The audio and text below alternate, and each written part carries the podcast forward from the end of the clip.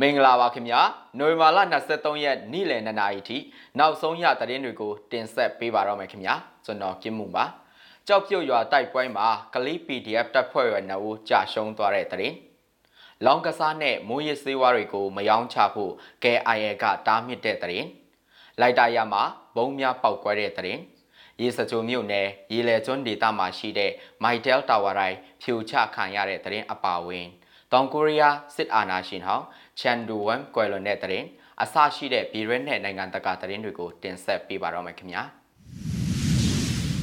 ပထမဆုံးတင်ဆက်ပေးချင်တဲ့သတင်းကတော့စကိုင်းတိုင်းဒေသကြီးကလေးမြုပ်တောင်ပိုင်းကြောက်ပြုတ်ရွာမှာစစ်အခြေစိုက်စခန်းအဖြစ်တပ်ဆွဲထားတဲ့ကလေး PDF တပ်ဖွဲ့ဝင်တွေကတွားရောက်တိုက်ခိုက်ခဲ့ရာ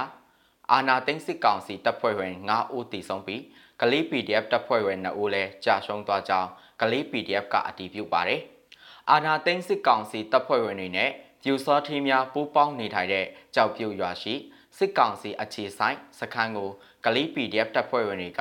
နိုဝင်ဘာလ23ရက်နေ့နာနက်10:00နာရီဝန်းကျင်မှာတွားရောက်ပစ်ခတ်တိုက်ခိုက်ခဲ့တာဖြစ်ပါတယ်။ကလေး PDF တပ်ရင်းလေးတပ်ဖွဲ့ဝင်တွေဖြစ်တဲ့အသက်19နှစ်အရွယ်ကိုမင်းစောအောင်နဲ့ အသက်34နှစ်အရွယ်ကိုဇော်နိုင်ထီတို့နှုတ်ဟာကြောက်ပြုတ်ရွာတိုက်ပွဲမှာကြာရှုံးသွားတာဖြစ်ပါတယ်။အရေးစွန်းတိုက်ပွဲဝင်ကြတဲ့ရဲဘော်တွေအတွက်မပြောပြနိုင်အောင်လေးစားတယ်။စိစက်ပြီးတော့လည်းကျွန်တော်တို့ရည်မှန်းထားတဲ့ Federal Democracy ရတဲ့အထိဆက်လက်တိုက်ပွဲဝင်သွားကြမယ်လို့ကြာဆုံးသူရဲကောင်းတို့အသက်ကိုတိုက်တီးပြီးကြည်ပြီးပါတယ်လို့ကလီ PDF တပ်ဖွဲ့ဝင်တို့ကမီစီမာကိုပြောပါတယ်။အဲ့ဒီတိုက်ပွဲမှာကလီ PDF တပ်ဖွဲ့ဝင်တွေက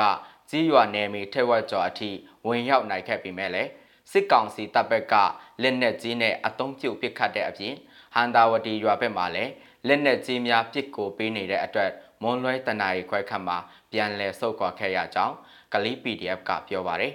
။အာနာသိန်းစစ်ကောင်စီတပ်ဖွဲ့ဝင်တွေနဲ့ပြူစောထီတွေဟာကြောက်ပြုတ်ရွာမှာလက်ရှိတပ်ဆွဲထားဆဲဖြစ်ပြီးကြီးရွာရဲမှာဒီတခါများနေထိုင်ခြင်းမရှိကြောင်းသိရပါတယ်။ ကြောက်ပြုတ်ကြီးရွာတိုက်ပွဲမှာကြာရှုံးသွားတဲ့ရဲဘော်နှုတ်နဲ့ပတ်သက်ပြီးရဲဘော်တို့မျော်လင့်ရည်မှန်းထားတဲ့တရားမျှတလွတ်လပ်တဲ့နိုင်ငံတော်တစ်အတွက် PDF ကလေးတပ်ဖွဲ့ဝင်တွေအားလုံးက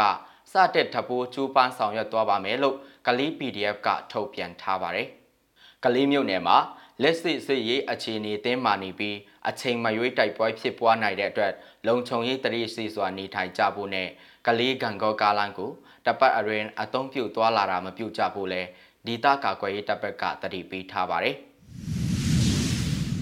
ဆက်လက်ပြီးတော့ဗမော်ခရိုင်အတွင်းမှာလောင်ကစားနဲ့မိုးရစေးဝါတွေကိုမယောင်းချဖို့ကချင်လွတ်လပ်ရေးတပ်မတော် KIA ကဒီကနေ့မှာတားမြစ်လိုက်ပါတယ်စစ်တပ်ကအာဏာသိမ်းပြီးနောက်ပိုင်းမှာကချင်ပြည်နယ်ဗမော်ခရိုင်အတွင်းမိုးရစေးဝါတွေကိုတုံးဆွဲရောင်းချမှုတွေနဲ့လောင်ကစားရုံတွေကိုပုံမတိုးချက်လှုပ်ဆောင်လာခဲ့တဲ့အတွက် ခိုးဆိုးလွှဲရမှုတွေကပုံမဖြစ်ပွားလာတာပဲဖြစ်ပါတယ်ဒါကြောင့်ကချင်လွတ်လပ်ရေးတပ်မတော် KIA အမတ်တစ်တပ်ရင်းကဒီကနေ့မှာလောင်ကစားနဲ့မိုးရစေးဝါတွေကိုမယောင်းချဖို့ထုတ်ပြန်လိုက်တာပဲဖြစ်ပါတယ်။အဲ့ဒီထုတ်ပြန်ချက်အရအများပြည်သူအကျိုးအတွက်ထိခိုက်စေနိုင်တဲ့မိုးရစေးဝါရောင်းချမှုလောင်ကစားယုံများဖွင့်ပြီးစစ်ကောင်စီရဲ့ထောက်တိုင်တွေကိုခိုင်မာအောင်ကိုငီမှု အစရှိတာတွေကိုလုံးဝလုံးဝမပြုတ်လို့ဖို့နဲ့အပေးပိုင်ပိတ်သိမ်းထားဖို့တားမြစ်လိုက်ကြောင်းဖော်ပြပါရှိပါတယ်။ဒီထုတ်ပြန်တားမြစ်ချက်တွေကိုကျိုးလွန်မှာကပြင်းထန်တဲ့အကျိုးဆက်ကိုခံယူရမှာဖြစ်တယ်လို့လည်းထုတ်ပြန်ချက်ထဲမှာပါရှိပါတယ်။လိုက်တာယာမှာဘုံများပောက်ကွဲတဲ့သတင်းကိုလည်းတင်ဆက်ပေးချင်ပါတယ်။ရန်ကုန်တိုင်း လိုက်တာယာမြို့နယ်အနောက်ပိုင်းမှာမနေ့ကနိုဝင်ဘာလ22ရက်ည9:00နာရီဝန်းကျင်မှာဘုံများပောက်ကွဲခဲ့တယ်လို့ဒေသခံတွေကပြောပါတယ်။ပထမကဘုံပေါက်တယ်။အဲ့ဒါကြားပြီးနောက်ကျွန်တော်တို့နားမှာနှစ်ချက်ဆက်တိုက်ဖြစ်တယ်။9နာရီနဲ့10နာရီလောက်မှာဖြစ်တာကအနောက်ပိုင်းတက္ကသိုလ်နားမှာဗျကျွန်တော်ကအပြင်ရောက်နေတာအဲ့ဟာနဲ့အင်ကိုပြန်ပြေးရတယ်အင်ကိုရောက်ပြီးခဏကြာတော့ကျွန်တော်တို့ဖက်ချမ်းမှာစက်တိုက်ဆယ်ချက်လောက်ပစ်သွားတယ်လို့ဒီတာခန်အမျိုးသားတအုပ်ကမြေစီမာကိုပြောပါတယ် ပောက်ကွဲတဲ့နေရာတွေကတော့စနီမငါးထိတ်မတ်တိုင်ရှိတပ်မတော်အထယ်ချုပ်ဆက်ယုံရွှေလင်ပန်းကျောင်းရှိမတ်တိုင်အနီးနဲ့မြစိမ်းရောင်အိမ်ယာအနီးတို့ဖြစ်ပြီး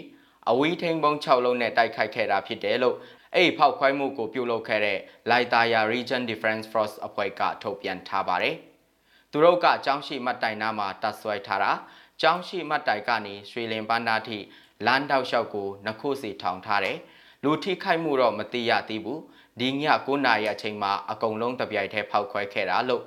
HRDF အဖွဲ့ဝင်တအုပ်ကပြောပါတယ်ပောက်ကွဲမှုတွေဖြစ်ပွားပြီးနောက်တပ်မတော်အထည်ချုပ်စက်ရုံမှာတပ်ဆွဲထားတဲ့စစ်ကောင်စီတပ်သားများစစ်ကားအကြီးနှစ်စီးနဲ့အနောက်ပိုင်းတက္ကသိုလ်ဘက်ကိုတက်လာပြီးလမ်းတစ်လျှောက်မှာလည်းပြစ်ခတ်မှုများပြုလုပ်ခဲ့တယ်လို့ဆိုပါတယ်။အဲ့နောက်မှာလမ်းသွားလမ်းလာကားနဲ့စိုက်ကယ်တွေကိုဆဲဆိုပြီးရက်ခိုက်ပြီးတော့မရက်ပေးတဲ့စိုက်ကယ်တစ်စီးကိုလည်းလမ်းပစ်ခဲ့သေးတယ်လို့မျက်မြင်သက်သေတအုပ်ကဆိုပါတယ်။ ဘုံတစ်ခါပေါက်လိုက်တနတ်တာတွေကြားလိုက်နဲ့ညဘက်ကြီးဆိုတော့ဘာတွေဖြစ်လဲဘယ်သူတွေထိလဲတော့မသိရသေးဘူးဗျအတန်တွေကြားရတာနဲ့တင်ဒီညလိုက်သားရတော်တော်ကြမ်းနေတယ်လို့ဒေတာခန်တအုပ်ကနိုဝင်ဘာလ22ရက်ညပိုင်းမှာပြောပါတယ် ရေစကြုံမြို့နယ်ကတရင်ကိုလည်းတင်ဆက်ပေးချင်ပါတယ်။ရေစကြုံမြို့နယ်ရေလဲကျွန်းဒေသငတမြောက်ကြီးရွာရှိမိုက်တယ်တာဝါရိုက်ကိုနိုဝင်ဘာလ22ရက်ညနေ4နာရီခွဲမှာဖျက်ဆီးဖြိုချခဲ့တယ်လို့တင်းငက်ပြောက်ကြားတပ်ဖွဲ့ကထုတ်ပြန်ပြောဆိုပါတယ်။ယခုဖျက်ဆီးခဲ့တဲ့တာဝါရိုက်ကလဲပတ်မှုမရှိတော့ဘူးစစ်တွေကပျက်စီးပြီးသားတွေတာဝါရိုက်ဖျက်ဆီးခြင်းကရေလဲကျွန်းဒေသကိုစစ်ကောင်စီတပ်သားတွေဝင်ရောက်ချိန်မှာစနိုက်ပါများ တက်ရောက်နေရယူလို့တာဝါတိုင်တွေပါဖျက်ဆီးရခြင်းဖြစ်ပါတယ်လို့တင်းငက်ပြောက်ကြားတပ်ဖွဲ့ကဆိုပါတယ်ရုပ်တံဖိုင်ကိုကြည့်ရအောင်ပါရပြီဆွဲလဲပြီလဲပြီကွာလဲပြီ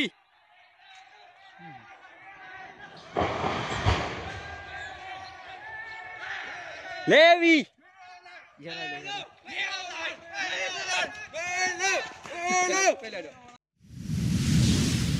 နိုင်ငံတကာဘက်မှာတော့တောင်ကိုရီးယားစစ်အာဏာရှင်ဟောင်းချန်ဒူဝမ်ကွယ်လွန်တဲ့တရင်ကိုနားဆင်ရအောင်ပါတောင်ကိုရီးယားနိုင်ငံရဲ့သမရဟောင်းတအိုးဖြစ်တယ်လို့စစ်အာဏာရှင်ဟောင်းလည်းဖြစ်တဲ့ချန်ဒိုဝမ်ဟာနိုဝင်ဘာ23ရက်မှာကွယ်လွန်သွားခဲ့ပြီဖြစ်တယ်လို့သိရပါဗျ။စစ်အာဏာရှင်ဟောင်းချန်ဒိုဝမ်ဟာ1988ခုနှစ်၎င်းရာဒုကနေဆင်းပြီးခဲ့ရတဲ့လူထုအောင်ကြဆန္ဒပြမှုတွေမတိုင်မီအတိုက်ခံပြပစ်တွေကိုလူမဆန်းစွာနှိမ်နင်းခဲ့သူလည်းဖြစ်ပါတယ်။ ချန်ဟာယူရင်းချင်းစီသွေးကင်ဆာယောဂခံစားခဲ့ရတယ်လို့သိရပြီးစိုးမြို့မှာရှိတဲ့၎င်းရဲ့နေအိမ်မှာကွယ်လွန်ခဲ့တာဖြစ်ကြောင်းကွယ်လွန်ချိန်မှာအသက်90ရှိပြီဖြစ်ကြောင်းယွန်ဟက်သတင်းဌာနကဖော်ပြပါရယ်၎င်းဟာနိုင်ငံရဲ့စီးပွားတိုးတက်မှုကိုကြည်ကြက်ကွက်ကဲခဲ့တယ်လို့1988ခုနှစ်အိုလံပစ်ပြိုင်ပွဲကိုအင်ရှင်အဖြစ်လက်ခံကျင်းပခွင့်ကိုလည်းရယူပေးနိုင်ခဲ့ပါတယ်။ဒါအပြင်၎င်းဟာအာနာကိုငိမ့်ငိမ့်ချမ်းချမ်းလွှဲပြောင်းပေးခဲ့တဲ့ပထမဆုံးတောင်ကိုရီးယားသမ္မတလည်းဖြစ်ပါတယ်။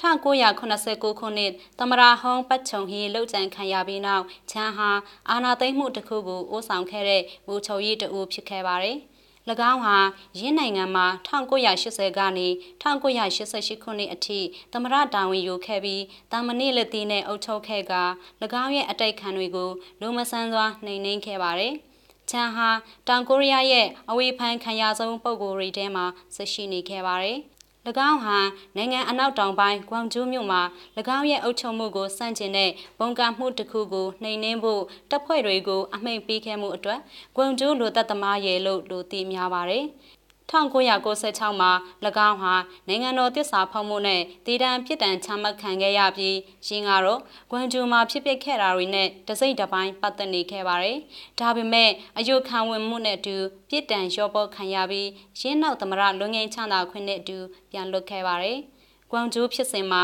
တည်ဆုံသူတုံမဟုတ်ပျောက်ဆုံးသူတွေနဲ့ပတ်သက်လို့တရားဝင်ထုတ်ထားတဲ့စည်ရင်မှာ200ခန့်ဖြစ်တယ်လို့ဆိုပေမဲ့အမှန်တကယ်ဂိမ်းကနန်းဟာရင်းထက်3ဆလောက်ပုံများတယ်လို့တက်ကြွလှုပ်ရှားသူတွေကပြောပါတယ်